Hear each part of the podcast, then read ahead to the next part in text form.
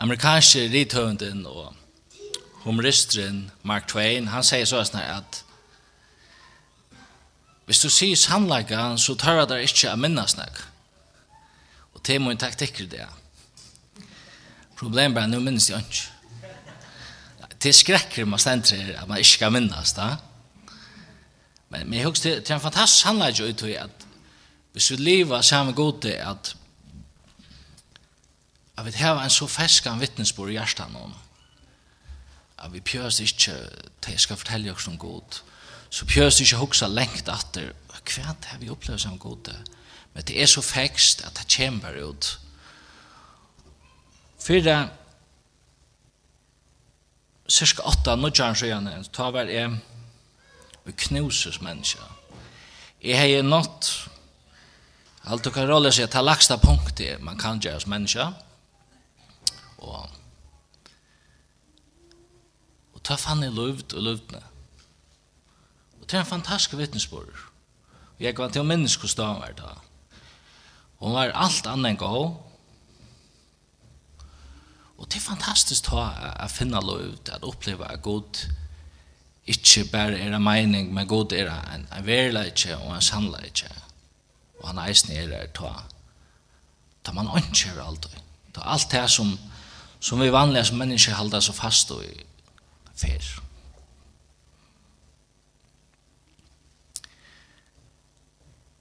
Jeg fatter at i 1951 og vaksen opp i en fantastisk heime og fremmedgjør at jeg haft så god foreldre som ikke bare har vært tås om Jesus, men har livet av Jesus.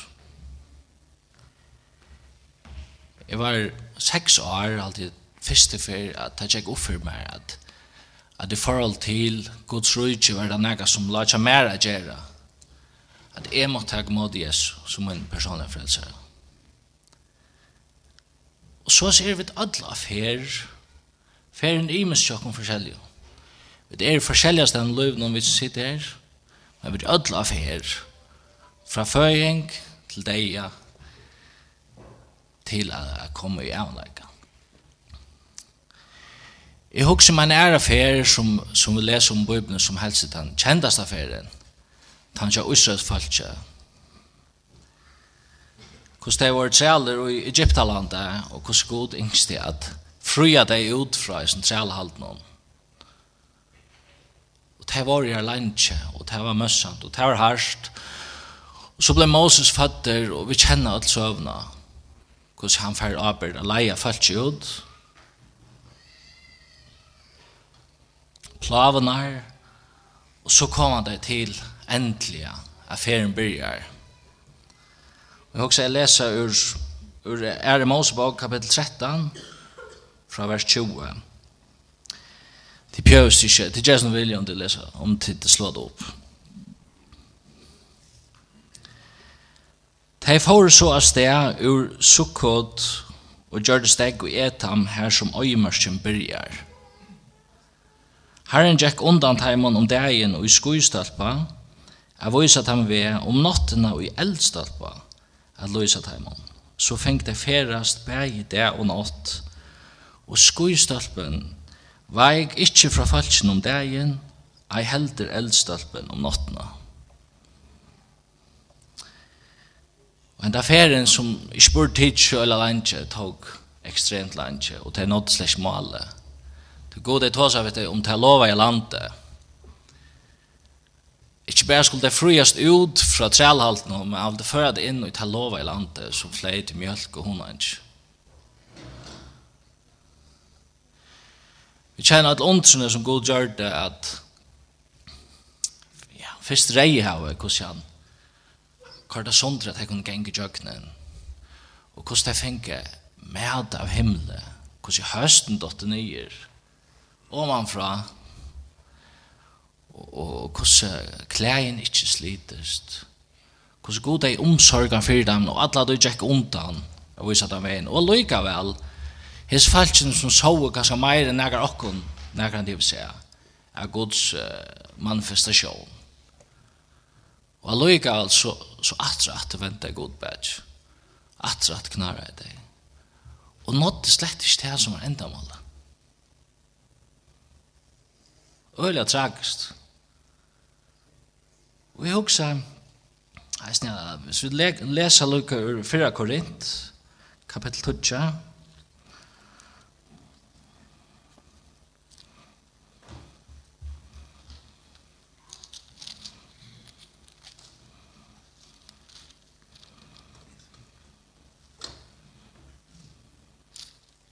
Vi tager fra vers 8. Jeg vil ikke brøver at tikkun skal være åkunnet, og til er eisen til okkar som lever her i det. Åkunnet er fetrar okkara, våre atler under skuinon, Gjengi atler jökn heve, våre atler døpter til Moses og skuinon og i hevnon. Og de atler sama andalega med, og drukku atler sama andalega drikk. Tog det drukka av hinn andalega klette i feltet heimon, og klettra var Kristus. Tå hei god ongan takka til flesta av dem. Der var jo slidne nyr i øymørsene. Hetta hendi okkon til fire døme, for at vi skulle ikkje ha hod til et idla, enn så teir hadde hod til det. Veri heldur ikkje avgoda dorskarer, enn så nægra teimon, som skriver, Falkje settes nyr at et og drekka og restes av spela. Lædi okkon ikkje heldur drøyva siløse, enn så nægrer at heimon driv siløse og fotle 23.000 en dag. Læd jo kun heldre ikke fresta herran eins og nekra at heim fresta av han og var drypner av ormon. Knarri heldre ikke eins og nekra at heim knarra av og var ødder av øyarnon. Men det er dette her som jeg hukse. Hetta hentet her som fyrdømme fyrt her, men til skriv okkon til avværing. Hetta som hina sjuste tøyer kommer til. Og så fortsatt han i helse standa sutt til at, at han feller ikke. Og så er. Men jeg husker om vi er i eisen i en affær. Ta vi blå endefødt, født av nødjon og Guds ante tek bostad i okkon. Ta byrjar affær ur trælhalten som forteiver Egyptaland.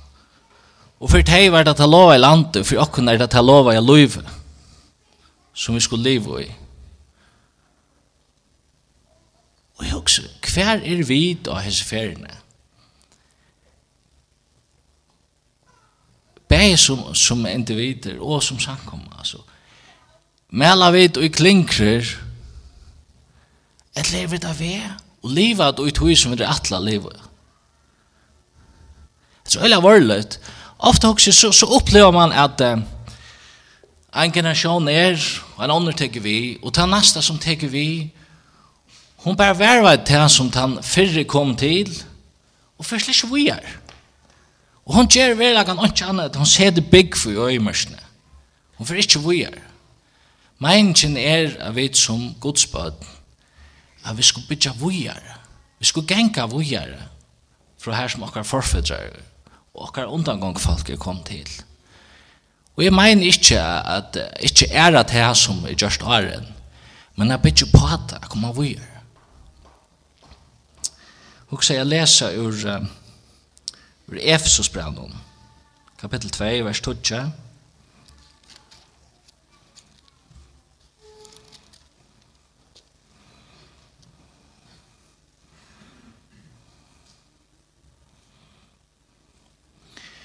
Tui vid er smui hansara, skapt i Kristi Jesu til gåverk, som god framan undan hefur lagt til reier av vi skulle leva i dem. Ta som om at loiv som god framan undan lagt til reier av vi skulle gengu i. Og et trygg vi ikke lagt en lagtene trygg, at, at, at ikke har vi avskan av mitt loiv, Jeg, er alltid søver, bare kyrkjøsøver, og den vanlige søver viser at, at vi mennesker hava saman vi gode, kunne hava utrolig store avvarskan. Og sannhetsnitt han at månere mittlen det som søvan er i det, hun skriver i det, hun skriver i morgen, det som søvan utviklar seg til, og det som god innskjer er gjerra. Vi kjenner seg bønene som, som Jesus lærte å kunne at ferie var, så sier han, Vær viljetøyen som i himmelen så gjør. Det er nægget vi Guds vilja, og vi som Guds bøten skulle ut innan Guds vilja. Det er veldig alvorlig også. Så tar jeg Efesus kapittel, kapittel 3 eisene fra vers 14.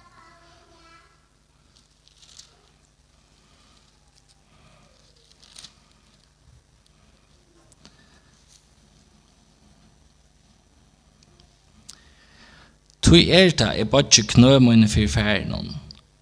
Fra honon hever alt som fær eiter i himmelig og gjør navnsut.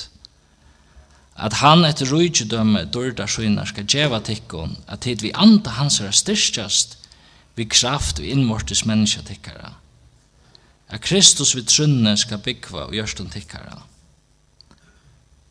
At hit rådfest og grunnfest og i kærlagan, kunne vi ötlun hinn heileva vera ment at fæta breiten, longten, dypten og hatten er og kjenna kærlaga kristar som styr opp om allan kunnskap for at de kunne ha fyllt av allar fytling gods.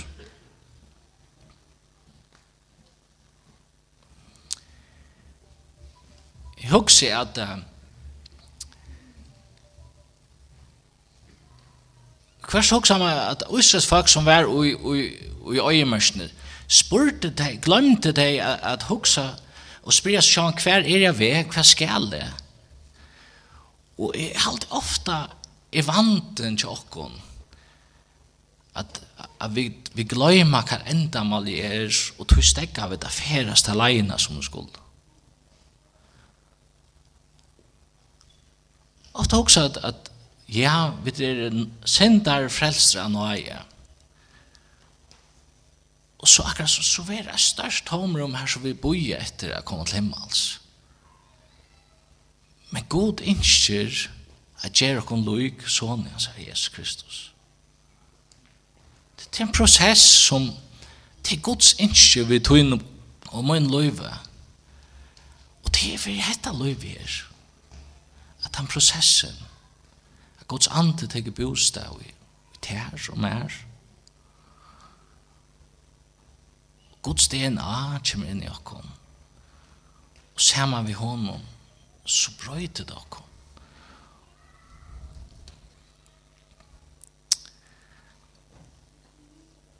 Jeg har jeg opplever en eik for løvnum, det er det eist. Jeg opplever også andre ganske. Og det som det har lært meg alt, det er at at jeg har opplevd min egna liv, at det er som at jeg blir frelster og jeg kom inn og i hvis jeg ser meg bare røyde gods ved et hus som er det hus vi skulle bygge for liv og røyde gods her og gjør, så er det som om at jeg mengan ikke er for en langere enn i gongene det er bare gongen, det her skal takke skegvane og henge jakka, men det er ikke lov i husen, det er ikke gongen. Og god ikke vi skal fara vujar, jeg trygg vi akkurat som vi, vi usras falskje, så heva vi det heila i handa gods, som komen for at leie okkom, akkurat som det blir leit.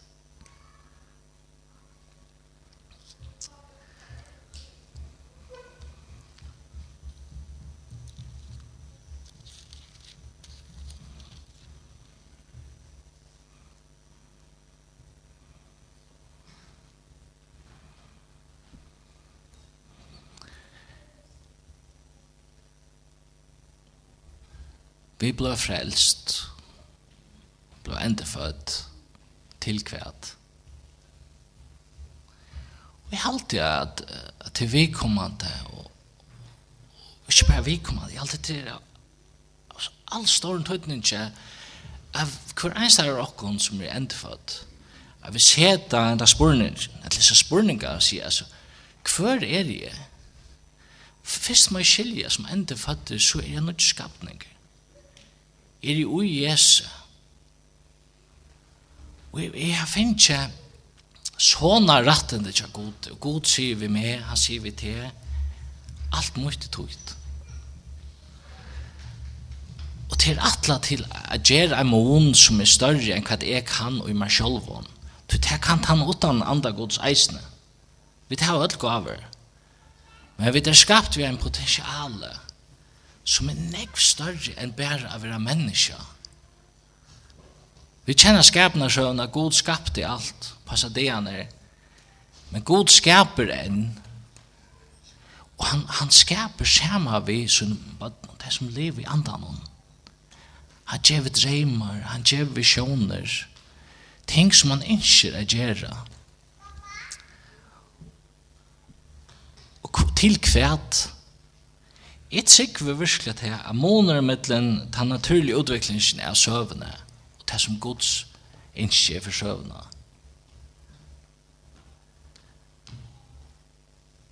Månederne tøy, til to er. Vider det som Gud er valgt at at samstarva vi. Vi er samverska med en, vi er samstarvsfelar, at skapa sammen. Og jeg tykker virkelig at at det sikkert så vist Jesu atkomme er, er nekv nærre enn det som vi leser om her. Og nærre for kvann det som fer. Og så tar han om togjert her ikke. Vi tykker virkelig at at Jesu atkomme er talt. Sjøn og gjør ikke man sier hvordan talt. Men alvor i ute er at vi må reise oss. Vi må vekse. Vi må bonast. Vi må Vi må ikke være som lærersveinene som, som man tar seg, altså, skilja det da ikke, fæda det ikke, jeg faktisk ikke så seg som andalig. Jeg trykker god vil leie okkom inn i nasta stig, jeg vil færa fra gongen og vujarinn, som einstaklingar. Jeg vil slekt bare smakka god mer, jeg vil komme kjenne god mer, at jeg forstørre avverkan av okra loiv, at det er ikke at træt ødlom, men det er loive for dere. Og i tås er det, så er det for meg selv, og så er det for meg selv. Men jeg, jeg kjenner jo i antan at, at anten råpar. Spørninger høyra vid, eller er vi så opptidsna til nøren? Har vi mist male borster? Hva vi skulle? Hva Stendur, utan missioner så, så døyra folk. Vi tar bruk eisne fyrir at heile anden kan tala vi okkon det som er vilji Guds. A få dreymar, a få visioner, a få klart, jeg skal handa vegen, ikkje bara, nå, hette, nå vi hugga okkon her og til til ham. Vi skulle vujare. Til alt en fer, loiv er en fer. Og hverst er det som det er, det er som man øyemørske hverst til løyve. Men mennesken er at vi skulle leva ui til lova i løyvene.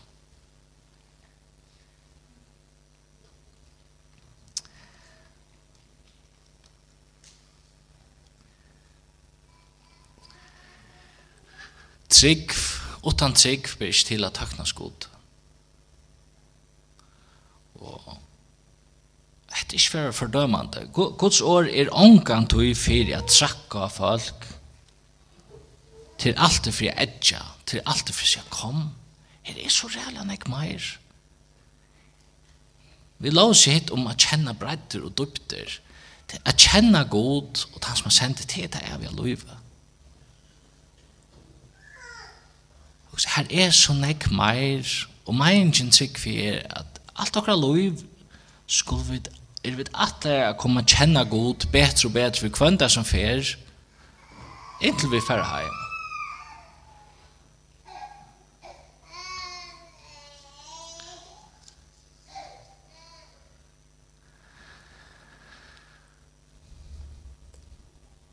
Vi kjenner til Walt Disney-filmene.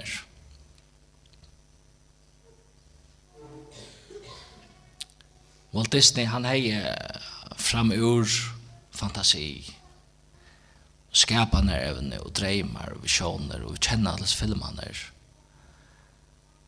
Men han hei en annan veldig han dröm og det var å skapa en park som var så fantastisk å komme inn i full av fantasi og ødlån. At vanliga familjer, badnafamiljer, kunne komme ur stress ur ødlån til tunga gjensløvnån og finna linna kom inn her bænt. Walt Disney døy i, i december 6, tror jeg, men fem år siden så så åpna jeg eller så åpna jeg Disney World i, i Florida, Orlando, Florida. Fem år etter han døy jeg. Og Bajans er Roy, han helt talene her bænt, og etter talene så kommer han til han og så sier han, til røy, til sint, oh, jeg er så kjettere og sint at Walt Disney ikke slapper suttje etter. Så sier Roy, han sa etter, tog suttje vi etter i det. Og jeg tykker prinsippet er det samme, tog vi det ødel, Veit han som er kommet å kjenne god, og han som ikke er ødelskapt og i god spillet. Vi er avspekling, vi er en vi at drøyma, at sutja, at ha visjoner. Og i trygg vi på tammadan er god innskjer at oppenbera rujtjes ut. Så snar at vi som bygger fyrjon kunne brøyta søvna til fyrjon fra det som er ein en rushibane, en for, forfattelig, en moralsk forfattelig, til ja, vi vilje gods, være som i himmelen, så i farg. Det tjekker vi på. Det er, det er ekstremt. Men god er staurer han veldig, han allmåttig, og han er ikke, han er ikke bare søva. Han er livande, og det er fantastiske, han som er så gigantisk er, bjåa tær og mer, og samfunnet. Han sier, kom, kom og liv sammen med mer. Kom og samstave, kom og skap sammen med mer. Og jeg ber jo om virkelig at som vi som var inne i breibrødene, at vi vi minnes det som akkurat frelser er gjørt for dere. Men jeg minnes det at samme kraften som reis Jesus opp fra dem deg, hon lever i hver enstøkken, endefødt. Og jeg trykker vi, hvis det er ærlig de fleste av dere, så har vi kanskje opplevd egentlig det.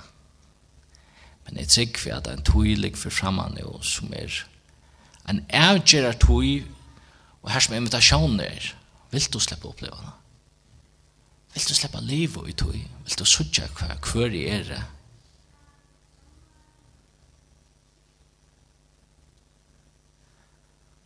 Het her er, het er større enn menneska kan fæta. Nek større, men det er ikke overlig for det. Guds år sier dette. Og vi er nødt til at, at komme inn og, og ta fasen her som her som trygg og god og Guds år og det som han sier vi er det som er for å kjenne akkurat lyst til akkurat visjoner og det som vi satser på og vi ber jo om at som færre takker breiden av vidnom at hele Anden skal åpenbære i okkur. Meir av rujtje gods. Meir av tog hva vi er kallar til, hos størst er. Det er alt vi nå i hans herra, det er alt vi kærleg hans herra. Ikke tog vi derfor kjenta, men til undrørna. Ja, til hans sida så er det så.